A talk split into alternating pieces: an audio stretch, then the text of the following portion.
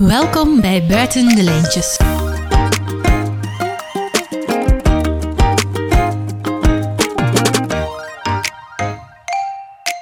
Welkom in een nieuwe aflevering van Buiten de Lijntjes, de podcast over kleuteronderwijs. Vandaag heb ik Astrid Koelman uh, te gast. Uh, Astrid kennen jullie misschien al. Ik ga haar zo meteen zichzelf laten voorstellen. Maar we gaan het vandaag hebben over slow pedagogy. Vertragen in de pedagogiek. Astrid, welkom. Ja, dankjewel. um, wilt je jezelf even kort voorstellen? Ja, tuurlijk. Ja, voilà. Dus ik ben Astrid. Uh, ben, uh, ja, ik ging zeggen, ik ben 46 jaar. Doet er niet heel veel toe, maar toch. uh, en Um, zoals mensen kunnen horen, kom ik oorspronkelijk uit Nederland. Daar heb ik ook gestudeerd. Um, ik heb deel, ben opgegroeid in Alkmaar. Ik studeerde in Amsterdam. Ik heb een leraaropleiding gedaan en onderwijspedagogiek gestudeerd. En uiteindelijk ben ik eigenlijk uh, in Antwerpen terechtgekomen en daar als leraaropleider ook gaan werken. Maar ik ben zelf ook kleuterjuf geweest. En in de leraaropleiding heb ik jou, Eva, leren kennen. En op een gegeven moment besloten wij samen om een boek te schrijven. En eigenlijk best een goed boek geworden, denk ik. Kleuterleerkracht kan het aan iedereen aanraden. Voilà, en nu zitten wij hier te babbelen zoals wij vaker doen... met een ongemakkelijke micro ertussen. Dat went wel. Um, wel, vandaag gaan we het dus hebben over slow pedagogy. Um, en ik wil het daar met jullie over hebben... Uh, omdat ik het, uh, het een onderwerp is dat mij persoonlijk raakte... en als professional ook, toen ik er voor het eerst over hoorde... Um, vorig jaar ging ik voor het eerst naar ISERA, wat een groot congres is, internationaal congres, over kleuteronderwijs en over het jonge kind. En daar ging een van de keynotes, een van de lezingen, ging over uh, slow pedagogy door Alison Clark. En dat was bijzonder inspirerend. Uh, die vertelde, oh, dat is ook zo'n academici, je zou die ook geweldig gevonden hebben, Astrid. Met zoveel passie en ja. zoveel uh, ja, overtuiging van waarover dat ze praten. Dat was op zich al mooi. Maar daarnaast ja, is het onderwerp natuurlijk, het ging over vertraging en hoe dat we uh, in de maatschappij, als ouders, als leerkrachten, altijd van het ene naar het andere hollen. En ik ben zelf jonge ouder, ouder van een minte drie jaar, toen twee jaar.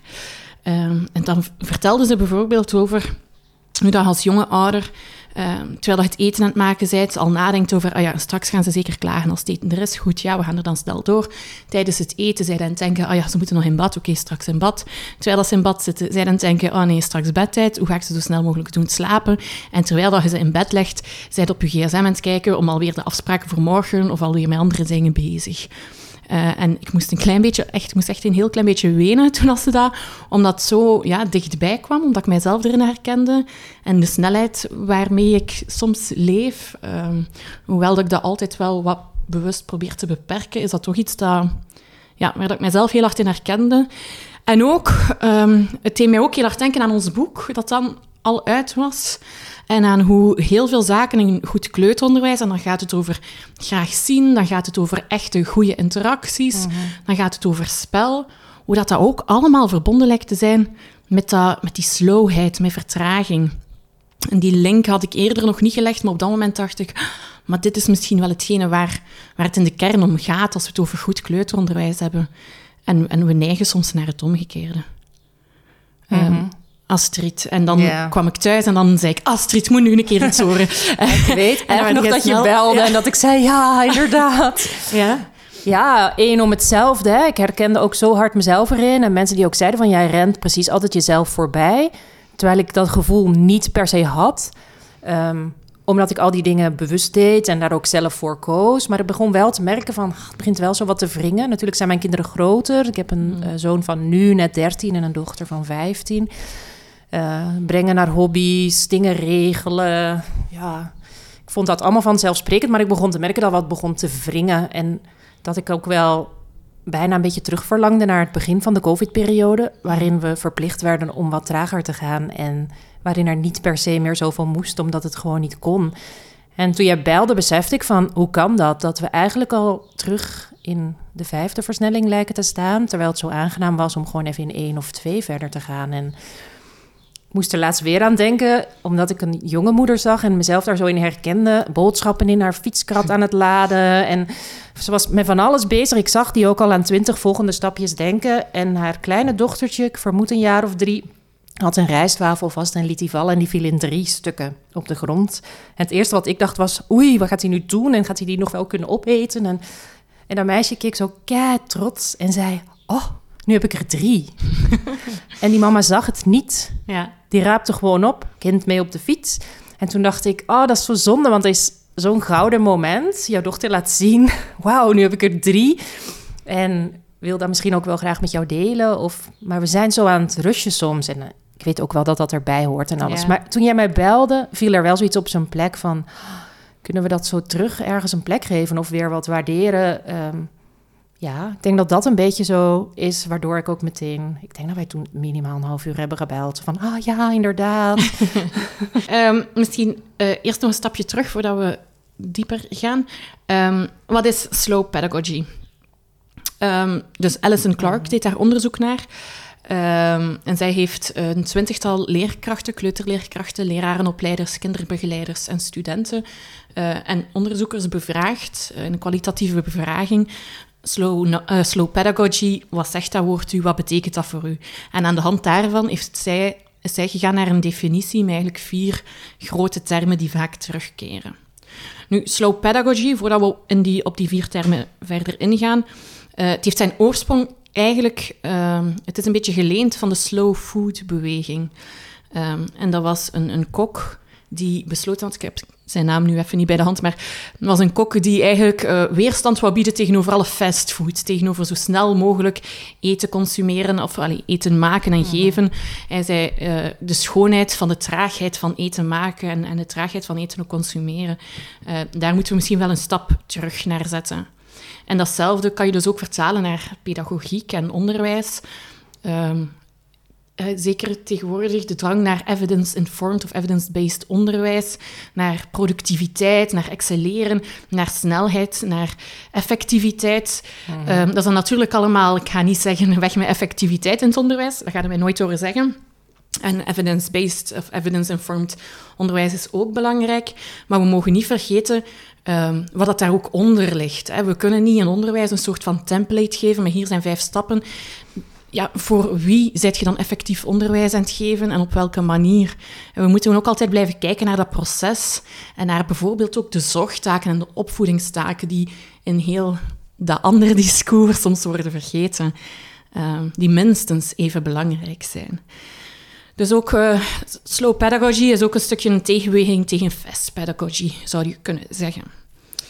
Uh, ja, of misschien gewoon tegen dat alles zo moet en af moet en goed moet zijn Ja. op een bepaalde manier. Ja, absoluut. Wat soms nodig is, maar dat er ook momenten mogen zijn waarin dat niet nodig is. Ja. Wat mensen zouden kunnen denken is slow pedagogy, dan moet het allemaal traag. Ja, maar nee, hè? Ja.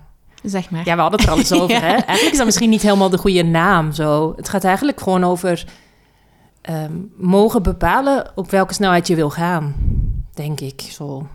Soms wil ik traag en soms, zoals ik aan het begin ook al zei, wil ik ook gewoon snel. En dat is mijn keuze. Het soort eigenaarschap over die tijd en die keuzes daarin maken, maar ook bij jonge kinderen daar gewoon ook lege momenten aan geven. We zijn heel erg geneigd en dat, dat moet ook. Hè? Je moet doelgericht werken met jonge kinderen, maar soms mag je zo'n doel ook wel eens weglaten en eens kijken wat er gebeurt. Als ik vroeger aan mezelf denk van vroeger, herinner ik me vooral heel veel niks en dat ik me ook wel eens verveelde of dat ik met mijn broer heel lang in een bootje rondvaarde.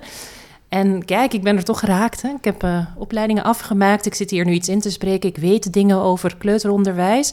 Dus het is niet slecht met mij afgelopen, omdat er in mijn jeugd veel tijd was die niet al voorbedacht was. En ook als moeder trap ik zelf in die val dat ik geneigd ben om alles voor mijn kinderen al een beetje in te vullen. Want het moet toch leuk voor ze zijn en aangenaam. En ze moeten er iets uit kunnen halen. En ja, en voor mij gaat het dus over daarover nadenken en daar toch keuzes in kunnen maken. En dan mijn kinderen die zelf ook kunnen maken of kleuters in de klas. Dus niet per se traag, maar ja, zou nu een goed antwoord zijn? Ik kom er even niet op eigenlijk. Nee, de vrijheid om, om zelf te bepalen in een balans. Ja, ja, en in balans, dat is wel een goede, vind ik. Ik heb nog een stukje uit het eh, boek Slow Knowledge and the Unhurried Child eh, van Alison Clark. Eh, en ik, ik heb daar een klein stukje dat ik dat graag zou delen, omdat het zo mooi samenvat. Mhm. The slow movement is not about doing everything at a snail's pace, nor is it a Ludite attempt to drag the whole planet back to a pre-industrial utopia. De slow philosophy can be summed up in a single word balance. Be fast when it makes sense to be fast, and be slow when slowness is called for. Seek to live at what musicians call the tempo gusto, the right speed. Ja, dat is mooi. Hè? right speed. Ja. ja. Ja, dus als er traagheid nodig is, laat ons die traagheid pakken. Ja. Als er snelheid nodig is, ga gerust snel. Mhm. Ehm, maar laat ons zoeken naar het juiste tempo en ons niet telkens overhaasten, waardoor dat we misschien soms geneigd zijn. Ja, zo bewust omgaan met de tijd. Ja. Zo. Ja. Ja. Ja, en dat is hoe radicaal dat dat klinkt, terwijl dat eigenlijk de logische... Ja, en eigenlijk denk ik, logisch zou moeten zijn. als we dan teruggaan naar kleuters, dat die het mooiste voorbeeld voor ons daar zijn. Zo'n meisje met een koekje, die stopt gewoon. Want het ligt nu op de grond. En kijk nu, drie stukken, die staat stil. Want die heeft dat moment nodig om dat zo diep in zich op te nemen. Te kijken wat er gebeurt. Wat gebeurt hier nu? Het koffiezetapparaat maakt geluid. Ik ga daar even tot mij laten binnendringen. zoals het is. Hè, die kleuter deed dat, of dat kleine meisje deed dat. Want kinderen die leven gewoon sowieso veel meer in het nu, die nemen hun tijd. En aan de andere kant gaan die soms ook gewoon heel snel en rennen die allemaal gillend achter elkaar aan, omdat ze dat ook nodig vinden. Maar ja, die staan daar veel minder bij stil dan wij, waar dat allemaal toe moet leiden, denk ik. Mhm. Eh, zullen we naar de vier thema's gaan die Alison Clark eh, Ja, meegeeft? Ja. Ehm, wilde jij de eerste uitleggen, Astrid? Of Ja. begin ik? Nee, doe jij maar. Ja, nee, het is oké. Want die eerste, dat sluit eigenlijk mooi aan wat ik bij, net zei. Hè? Ja. Ehm, zij noemt dat zo being with. En dat vertalen we een beetje als in het moment zijn. En dat is eigenlijk net wat ik zei van dat koekje, maar dat kan over allerlei, voor, kan ik allebei allerlei voorbeelden over geven. Maar tijd nemen om gewoon even in dat moment te staan, zoals dat meisje met het koekje. Of zoals ooit mijn dochter toen ze veel kleiner was. Olivia, als je luistert, daar komt hij. Die was aan het fietsen voor mij, ze was aan het leren fietsen. Ehm, ik was dan al aan het denken van, oh, ik moet hier uitkijken, pas op, ik moet op tijd op de muziekschool met haar zijn. En in één keer, hoep, vol op de remmen, want... Hè, en ik, ik eerst nog in paniek, wat doe je? Er ligt hier een mooie veer op straat. Ja, eigenlijk is dat een mooi voorbeeld van, oh, hier even je tijd nemen om in dat moment te zijn. En dan, als ik dat dan vertaal naar de kleuterklas, ja, die tijd nemen om naar die kleuters te luisteren, om met ze in gesprek te, zijn, te gaan of ze met elkaar in gesprek te laten gaan. En niet, zoals jij in het begin ook aangaf, ondertussen in je hoofd al met andere dingen bezig zijn. Als ik met kleuters in de kring zit, als ik op dat moment ook al bezig ben met de activiteit die daarna moet komen, het feit dat ik geen boterham heb meegenomen om zelf te lunchen en waar ik die misschien wil dan ben ik niet meer in het moment. Dus ja, dat is een moeilijke oefening om je hoofd even leeg te maken en gewoon echt alleen maar in het nu Ja. bezig te zijn, denk ik. Ja, wat daar ook eh, soms een moeilijkheid in is, op scholen dan bijvoorbeeld, of in kinderdagverblijven, is dat die vaak ook al een ritme hebben doorheen de dag. Als in, je hebt een uur en een half en dan is het speeltijd en dan heb je even en dan is het koekjes eten en dan heb je even en dan is het ehm, de lunchtijd. Eh, terwijl dat bij jonge kinderen het in het moment zijn... eh, en wat je in spel vaak ziet, is dat die dat echt keigoed kunnen. En dat die alles rondom zich lijken te vergeten. Ja. En wat dat we vaak doen door de structuur van een school, is dat we dat gaan nooit gedwongen opsplitsen in Ja. kleine stukjes. Maar zo werkt Belletje, wisselen. ja, maar zo werkt het spel niet. Allee, zo werkt goed, goede Klopt. interacties werken zo niet. Gesprekken die gestoord worden, door een bel en je moet het volgende doen, ja, die kun je gewoon niet verder zetten Mhm. op dezelfde manier. Op diezelfde manier, ehm, ook de manier ja, waarop dat onze scholen zijn georganiseerd en gestructureerd, is, daar kan je ook even over nadenken van hoe kan ik toch... ehm, binnen de structuur die bestaat. Allee, je kunt Ja, niet ik zeggen, ik doe geen speeltijd, Nee. hè, of ik eet geen koekjes, maar wel nadenken over hoe kan je je kinderen de vrijheid geven om lang te spelen. Hoe kan je zoeken naar, in plaats van al die onderbrekingen, moeten ze elke keer opruimen? Of, moeten ze, ehm, allee, of kan je bijvoorbeeld een aantal dingen samenplaatsen, zodat er toch op een ander moment meer ruimte is voor spel? Ik denk dat dat nog een belangrijke is, om die being with, zowel voor uzelf als kleuterleerkracht, als voor de kinderen, mogelijk te maken. Je moet daar, je, je moet daar eigenlijk bewust ook wel aan werken op zo'n manier. Ja, ik vind dat ook. Maar ook wel, Ja. Ja, benut gewoon zeg maar die blokken die je hebt. Als jij weet, wel- in mijn schema zit een half uur om te spelen, laat het dan ook een half uur zijn. Ik weet dat ik net in België kwam en voor het eerst op een stageschool ging kijken, dat dan om de tien minuten van dat half uur ging er dus zo'n belletje. En dan moesten alle kinderen weer van hoekje wisselen, maar eigenlijk doorbreek je dan twee Absoluut. keer in een half uur waar die kinderen op dat moment mee bezig waren. Dus laat het gewoon maar eens een half uur zijn. Of, ja. Ja, of nog iets leuks ook wat ik ergens las, is dat ze... ehm, dat je soms dat wel kan doorbreken door bijvoorbeeld naar buiten te gaan. ja, Dat moment dat je in een bos bent, bijvoorbeeld, met je kleuters, dan eh, weet ik uit ervaring ook, zie je soms het schoonste spel. Mhm. En dat is ook omdat je dan geen rekening moet houden met bellen of met plasmomenten of zo verder. Allee, je moet ja. een Of plasmoment met wie inschakelen. mag welke kar, want er zijn geen karren. Het is gewoon met wat er ligt. Ja, ja. Dus, dus dat soortje, ja, dat buitenbreken letterlijk. En Mhm. dat vind ik ook wel een leuke manier om daar eh, toch naar op zoek te gaan. Eh, want dat in het moment zijn, hè, dat gaat dus over ja, opgaan in het moment ook. Ehm, maar gaat ook over ritme vinden, over die snelheid of die traagheid. En kijken waar hebben de kinderen in uw klas nu nood aan. Mhm. Maar ook uw collega's bijvoorbeeld. Waar zijn zij? Zijn zij snel aan het gaan of traag aan het gaan? Waar hebben zij nu nood aan? Maar ook uw ruimte en uw inrichting daarvan. Lokt het snelheid of traagheid uit? Ook dat soort zaken. Ja, en ik denk ook in kleinere dingen. ehm, ja, ik denk dat wij dat trouwens in ons boek ook ergens schrijven. Maar ik zit, moet er nu ineens aan denken. Zo, als je een koek of fruit of eetmoment hebt. Gebruik dat dan om even rustig samen te eten. Ja. Ook al is het maar 10 minuten. Hé, wat eet jij? Ah, het is een mandarijn. Vind je hem lekker of niet? Daar even samen bij stilstaan en naar elkaars fruit kijken... kan al een moment zijn om even te vertragen... en dan dus wel letterlijk trager te Ja. gaan... en even in dat moment te gaan. Ja, ik denk dat dat een is die, die gemakkelijk toepasbaar relatief is. Waarbij dat ik zelf ook als leerkracht vroeger inderdaad tijdens dat je het fruit aan het uitdelen nog snel iets wilt opvegen of nog snel het Mhm. volgende alweer klaarzet. Eigenlijk probeert dan zelf bij de kleuters te zitten, probeer het volgende los te laten en gewoon gesprekken te voeren. hè. Die interacties zijn super belangrijk, die echte gesprekken. Ja. Dat bewust samen zijn en ook kleuters daarop te wijzen van hè, we kalmeren nu, we komen tot rust. Ehm, eh, ja. Daarnaast ook, wat we ook in onze boek in Kleuterleerkracht hebben geschreven, waar ik nog eens aandacht op wil vestigen, is ook die blokken tijd vrijmaken. ja. Om being with, om in het moment te zijn met kleuters, in het spel te zijn met kleuters, moeten ook de kleuters volgen. Eh, en, en daar kun je niet op voorhand zeggen, oh, ik ga dat doel nawerken of ik ga, oh, ik ga aan de taalontwikkeling werken. Nee, volgen van de kleuters doe je door tijd vrij te maken om mee te spelen of om zelf te spelen Mhm. en te kijken wie komt er met u spelen. Dat bewust ruimte nemen daarvoor. Of niet meespelen, maar gewoon eens kijken wat gebeurt er eigenlijk als ik niks initieer. Absoluut, ja. Creëer maar wat verveling in de klas. Ja. En kijk maar wat dat met ze doet. Ja, verveling en ook dat treuzelen. Ja. ik denk, dat vind ik ook een hele mooie. eh, dat treuzelen toelaten en dat treuzelen voorleven.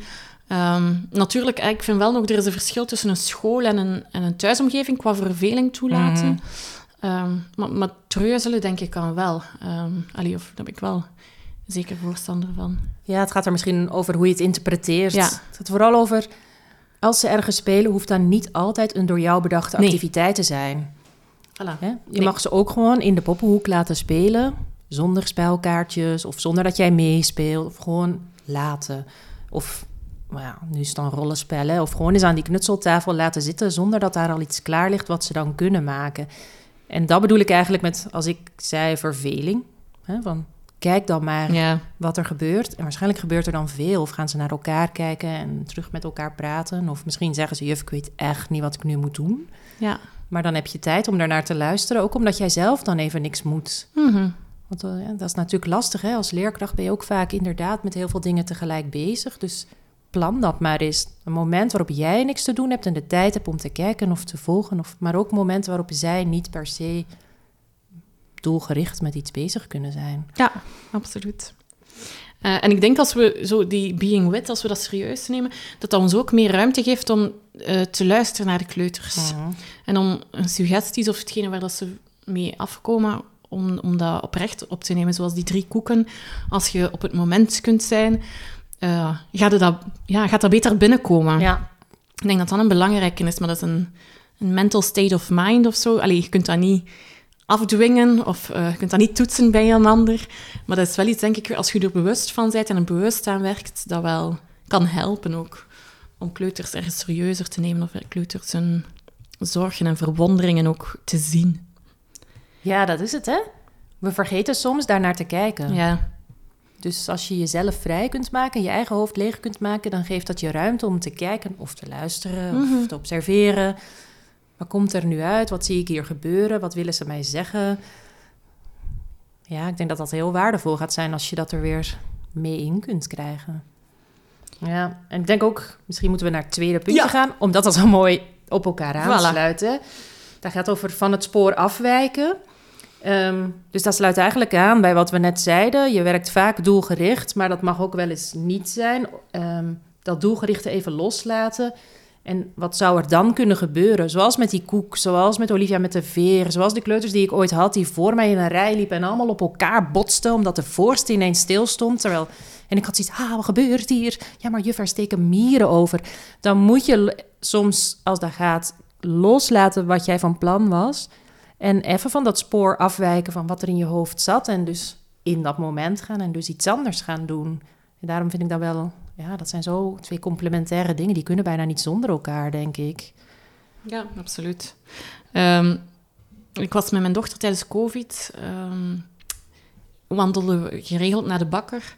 En dat is hier, eh, ik weet niet of je dat weet, is, dat is hier op het einde van de straat. Dat is hier vlakbij, hè, is 200, 300 meter misschien. Ehm, maar wat dat zij toen... eh, ja, zij was toen heel klein. En ze... Elk randje, zo de, elke deur heeft zo'n opstapje. Ah ja. En dat was voor haar de perfecte hoogte om een stoeltje van te maken. Dus die ging letterlijk, letterlijk overal even zitten. overal even zitten. Bij elke halte. Dus een wandeling naar de bakker was zonder overdrijven over de 300 meter. Was dat soms een half uur, drie kwartier dat wij daarover Ja. deden. Ehm, maar wel, sommige van de schoonste herinneringen van haar kleutertijd... Allee, Peuter was nog jonger. eh, zijn die momenten, hè, ook waarbij dat ze dan naar, naar onkruid aan het kijken was. En bloem, mama, bloem. Kijk, mooi ruiken. Hè? Dan ruiken aan zo'n pisbloemen. maar, maar, maar wel zo, allee, dat hielp mij ook om de zaken zo wat te relativeren. Hè? Want jong ouderschap kan vrij lastig zijn, maar kan ook vrij schoon zijn als je zo wat... Allee, ik leerde zo'n beetje opnieuw door haar ogen naar, de, naar het onkruid kijken, bij wijze van... Allee, klinkt allemaal heel melig, maar... ehm, ja, ik denk van het spoor afwijken en, en een moment zijn is ook een beetje voor uzelf als volwassene, vind ik dat ook.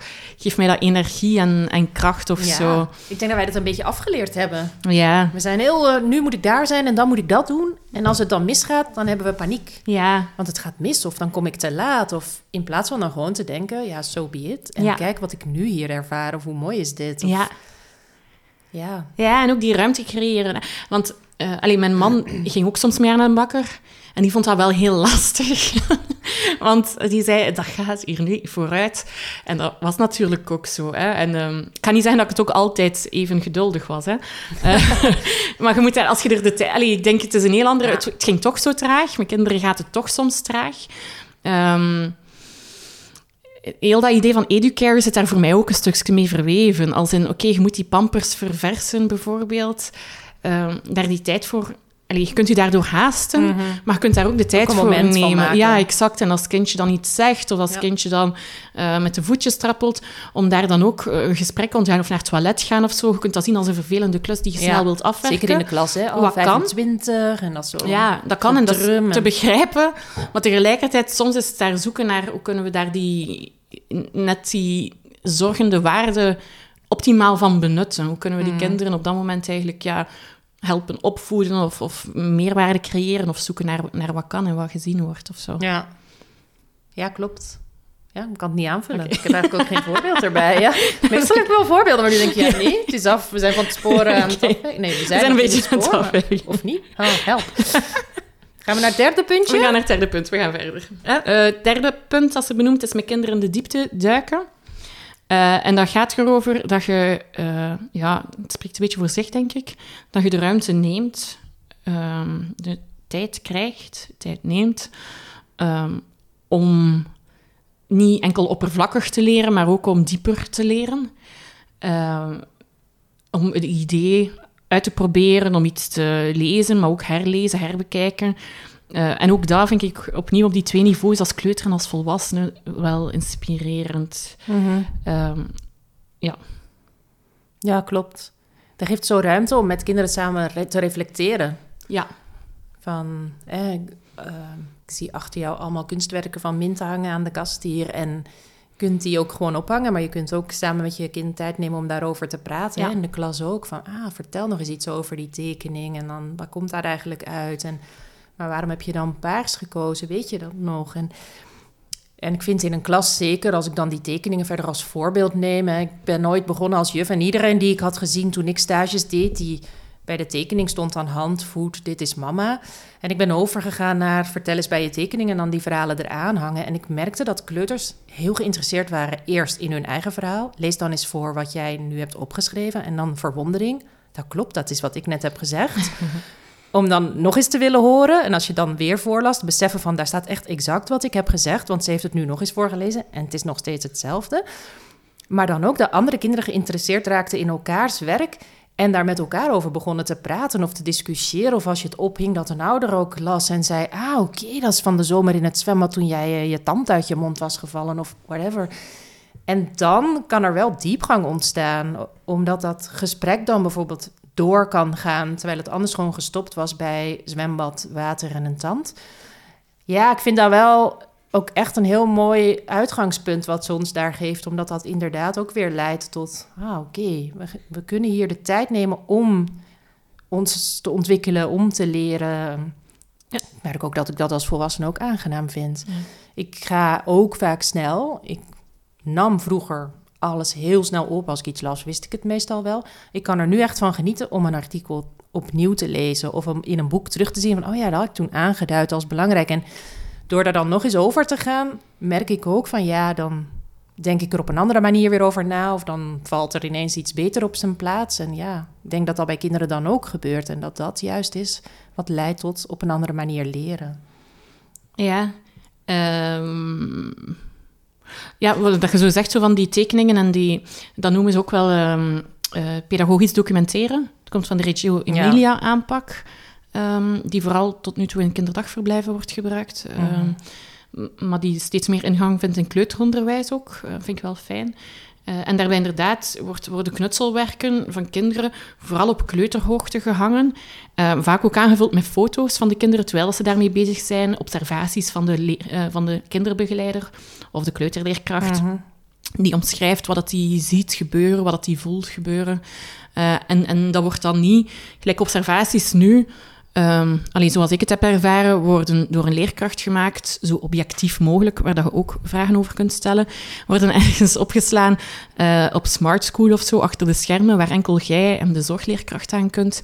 Ja, dat is jammer eigenlijk. Ja, hè? terwijl... Het kan zo mooi zijn als Ja. je nu beseft van... Dit is de eerste keer dat deze kleuter een echt manneke heeft Exact, getekend. exact. Schrijf dat er dan bij of een mooi gekleurd briefje. Schrijf Ja. erop, waar ben ik trots op jou? Want wauw, dit is jouw eerste echte mannetje. Ja, Ik heb vroeger ook zo dagboeken bijgehouden voor mijn kleuters... waarin ik dat zo'n verzameling was van een foto en een kunstwerk. En dat is veel werk, hè? Ik weet dat er wel, het was veel werk, deed mezelf ook wel iets aan. Maar die kinderen gingen daar heel regelmatig ook doorbladeren. Oh, kijk eens wat ik toen nog tekende. Oh, het was nog maar krassen. En anderen die dan mee gingen kijken. Elke, ja, ik vond dat een heel, heel waardevol om te doen. Het was veel werk. Zoals jij het net zei, is het misschien haalbaarder. Hè? Dat gewoon af en toe ophangen, soms Ja. eens iets eraan kleven. En wat ik daar ook sterk aan vind, wat ik hier op- ook op de kast achter mij probeer te doen, is dat samen met de kinderen de werkjes Ja. geselecteerd worden. Dat niet de leerkracht is die zegt, de mooiste werkjes hang ik op. ja, of, gewoon van elk kind alles. dat Of van elk niet. kind alles, maar samen met de kinderen wordt gekeken welk is nu het beste of het, het, het meest treffende werkje dat meest zegt over wat we hebben gedaan.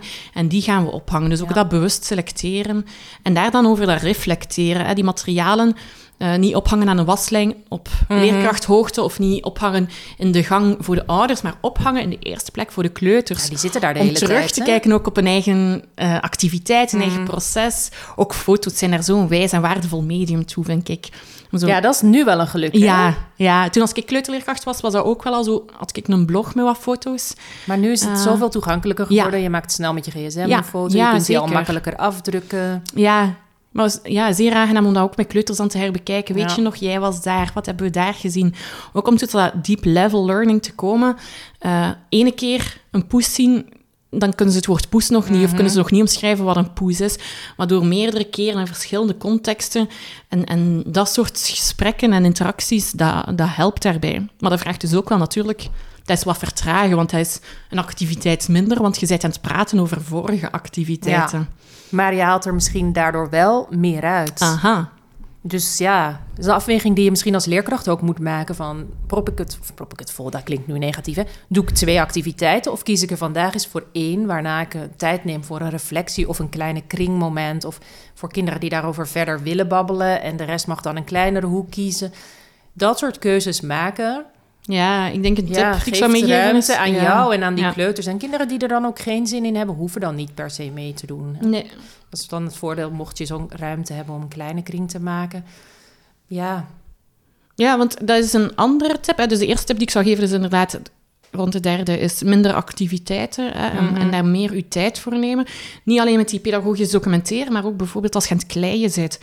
Allee, echt uw tijd nemen om met kinderen die klei te ontdekken, Ja. daar allee, allemaal niet te snel over te gaan. Dat zijn uw fouten vooral die ik van mijzelf heb gedaan. ja, hè. ik ook. En die ik nu... Ja, ik denk niet dat, allee, dat, dat de luisteraar dat per se doet, maar ik deel even mijn- my learned lessons van mijzelf maar even. We maken allemaal fouten. Ja, dus. Niemand is perfect. Nee. Past mooi bij het En dan inderdaad, de andere is, eh, is, is de, de kleine kring. Hè, daar schrijven we in ons boek ook wel een paar keer over, denk ik. Zo dat idee van iedereen moet samen in de kring zitten, samen een onthaal. Ja, dat hoeft niet per se. Nee, daar zit eigenlijk heel veel...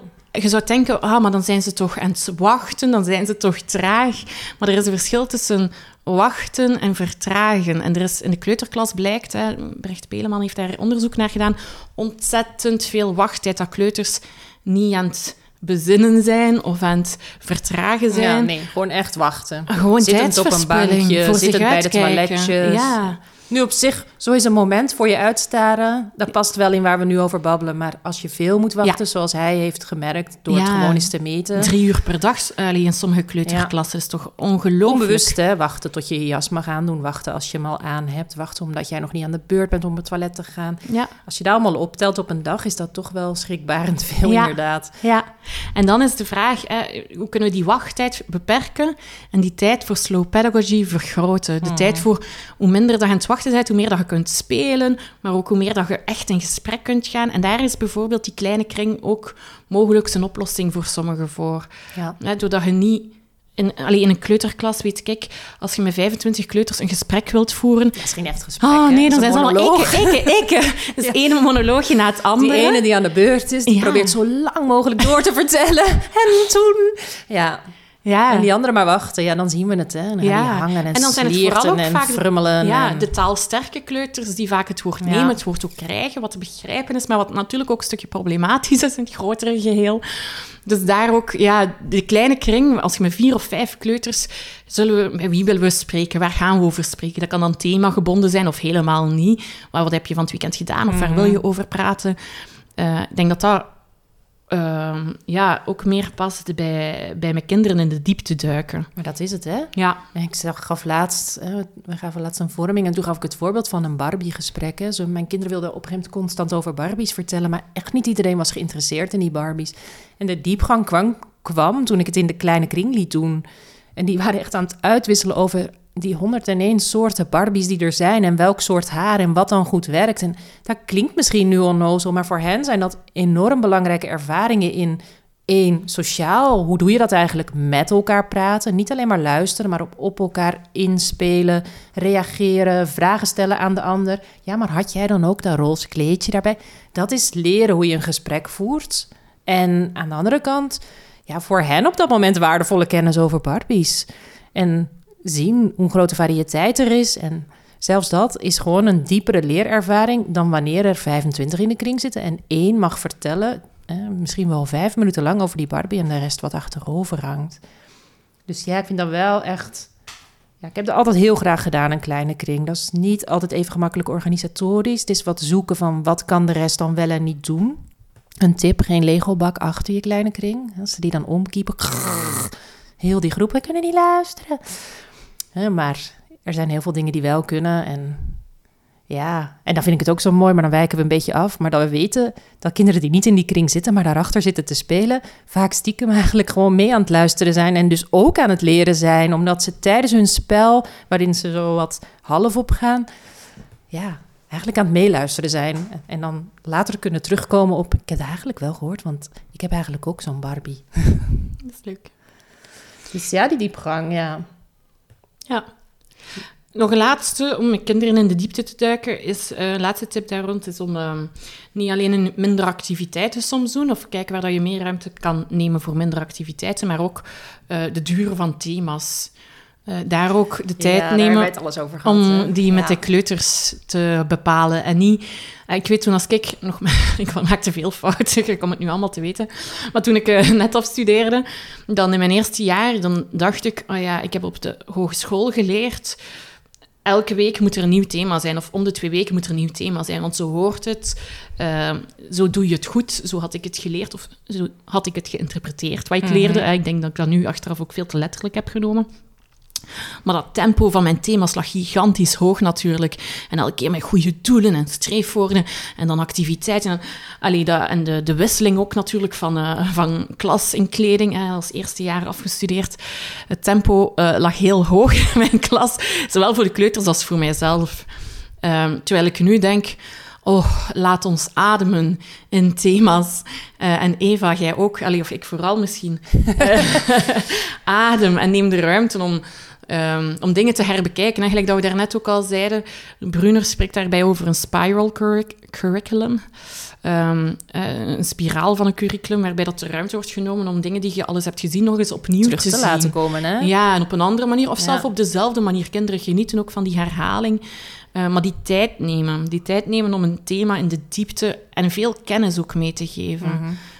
Kinderen zijn, zijn leergierig um, als we ze daar de kans toe geven of als we dat toelaten, denk ik. Ja, want ik denk nu twee dingen. Eén, dat spiraalcurriculum, mm. dat doen we eigenlijk bijna niet, maar daar werkt eigenlijk wel om te leren. Mm. Wij zijn zo geneigd om zo, ook als wij lesgeven aan de hogeschool, zo eerst een hoofdstuk af te maken.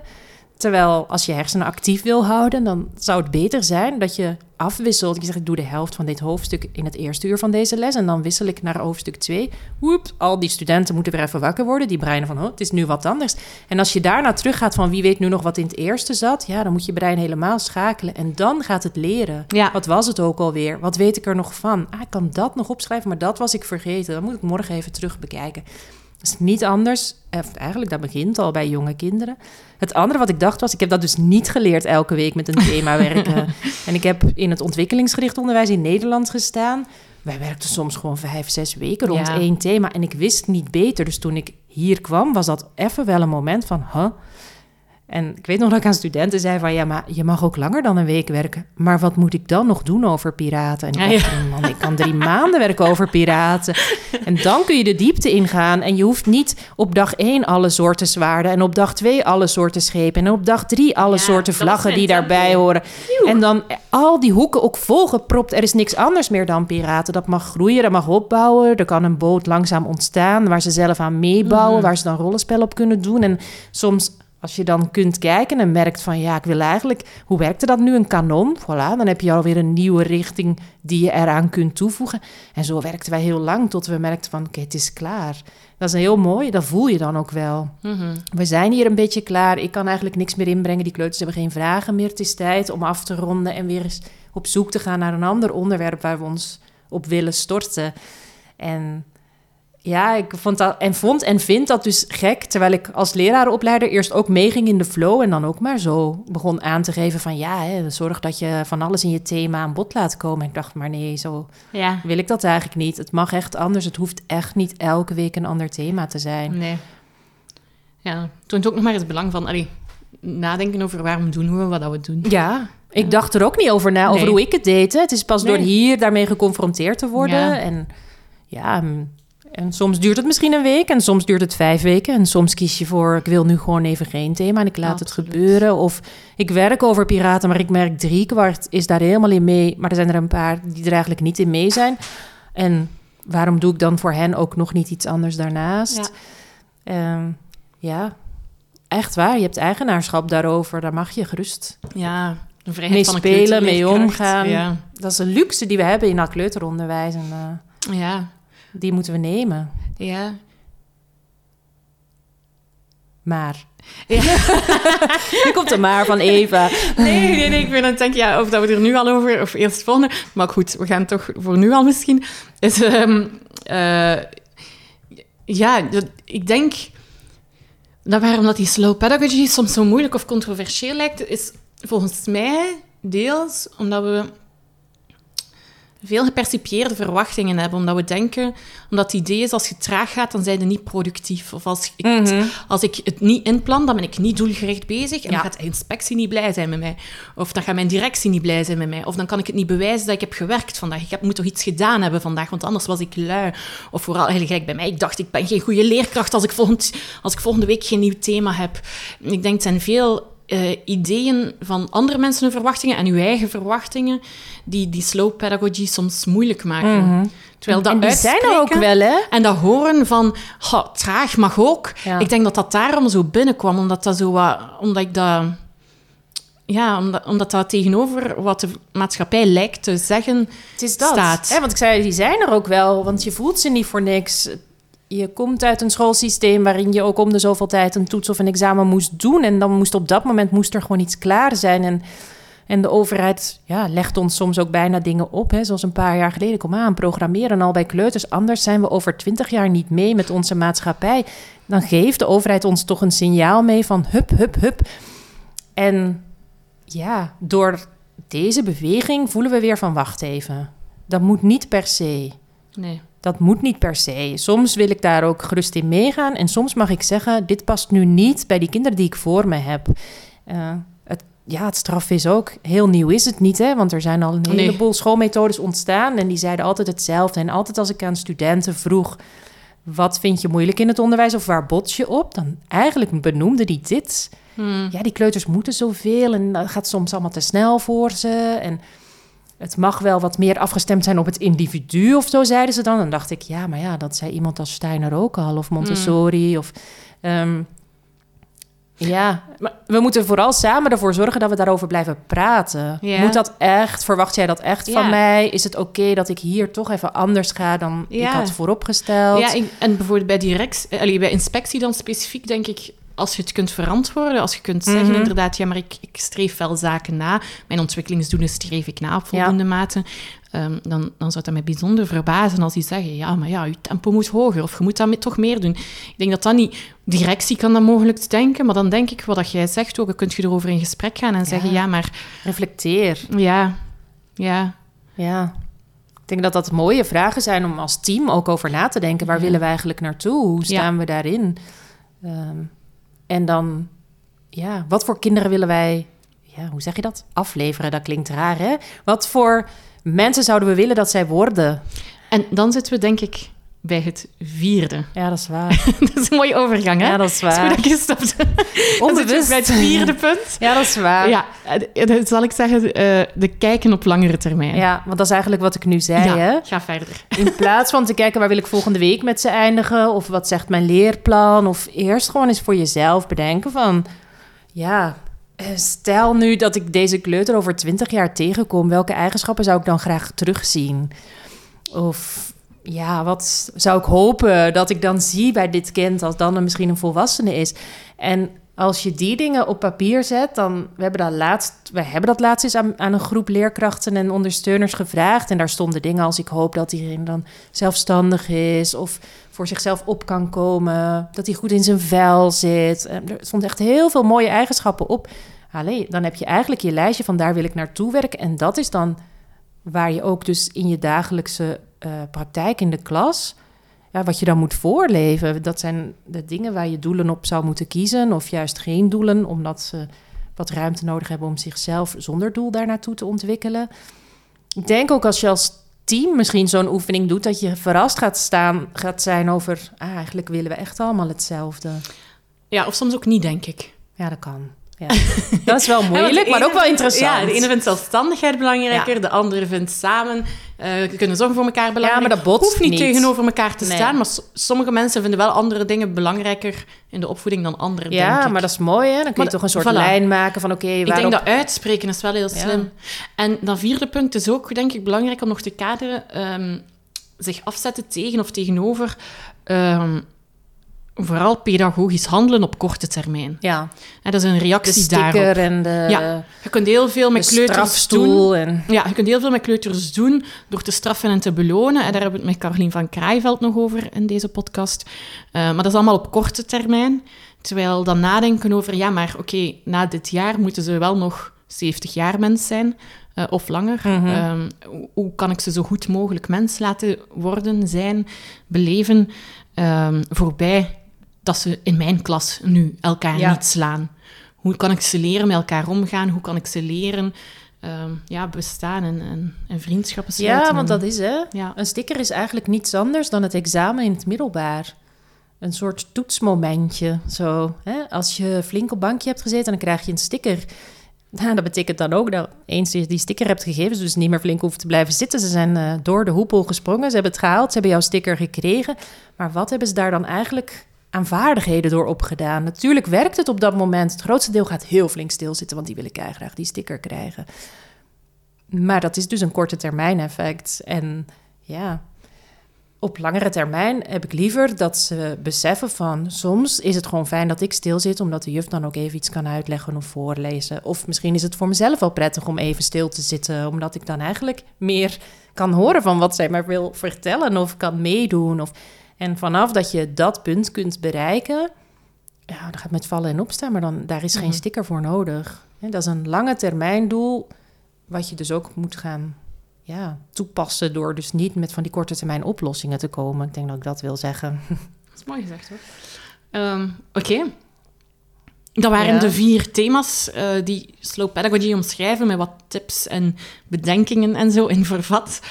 Ehm, tot slot, misschien eh, wat we ook in een eerder artikel hadden geschreven, Astrid, is dat we vooral slow pedagogy niet moeten zien als nog een extra taakje of een extra to-do'tje. Nee, nee, nee. nee. Ehm, maar dat het vooral, ja, gehoord dat, hè, dat gaat over eh, een mindset en soms met heel kleine zaken in die mindset eh kun je wel daar grote veranderingen mee teweeg brengen, denk ik. Hè? Door gewoon te kijken, oké, heb ik tijd voor een half uur te wandelen naar daar? Eigenlijk wel. Eigenlijk zit er Mhm. niemand op mij te wachten. Of allee, hebben we nog tijd voordat mensen honger krijgen? Laten we die half uur wandeling pakken. Ja. Wat gaan we anders doen? Hè? Ehm, of, of ja, Ja, of, oh wacht. Dit was eerder klaar dan ik dacht. Ik heb hier ineens bonustijd. Ik vertrek gewoon meteen nu, want dat stappen duurt toch langer. ja, En dan kan ik daar gewoon de tijd voor nemen. ja. Of ik zet Eh, mij erbij tijdens het lunchen, ja. inderdaad. Of ik plan eens niks voor mezelf, maar wel dingen voor die kinderen. Ik ga gewoon eens zitten en kijken. Ja. Ja. Het is Eh, echt niet de geen- bedoeling. ja, ja, zeg maar. Ja, eh, ik hoorde laatst, ah, wie was het nu? Ik denk Barend Last, die zei er zijn de laatste jaren zoveel scheepjes op ons onderwijs afge, afkomen varen met allemaal vernieuwingen. En daardoor tolt ons hoofd soms wat als leerkracht van wow, dat klinkt allemaal goed, maar hoe moet ik dat er allemaal in krijgen? En ja, dat zou averechts zijn op wat we hier nu juist willen zeggen. Hè? Het bewustzijn en het bewust met die tijd omgaan en genieten van die momenten waarop dat lukt. Ja, dat is voor mij wel de kern, denk ik. Af en toe daar gewoon bij stilstaan. Ja. En af en toe ook gewoon rennen. Ja. De slow pedagogy beweging wil vooral een cultuur stimuleren waarin onthaasting en langzame praktijken worden gesteund en eh, gevierd vanwege het verschil dat ze kunnen maken in het dagelijks leven van jonge kinderen en wie met jonge kinderen werkt. Zo omschrijft Clark het zelf nog. Ja, onthaasten, dat is het, hè? Dat is mooi, hè? En gewoon kijken naar die kinderen. Volg ze maar eens. Mooie laatste woorden. Ja. Dankjewel, Astrid. Merci om er vandaag bij te Ja, zijn. Het was heel bedankt. gezellig. Dat moeten we nog eens doen. Doen we nog. Oké.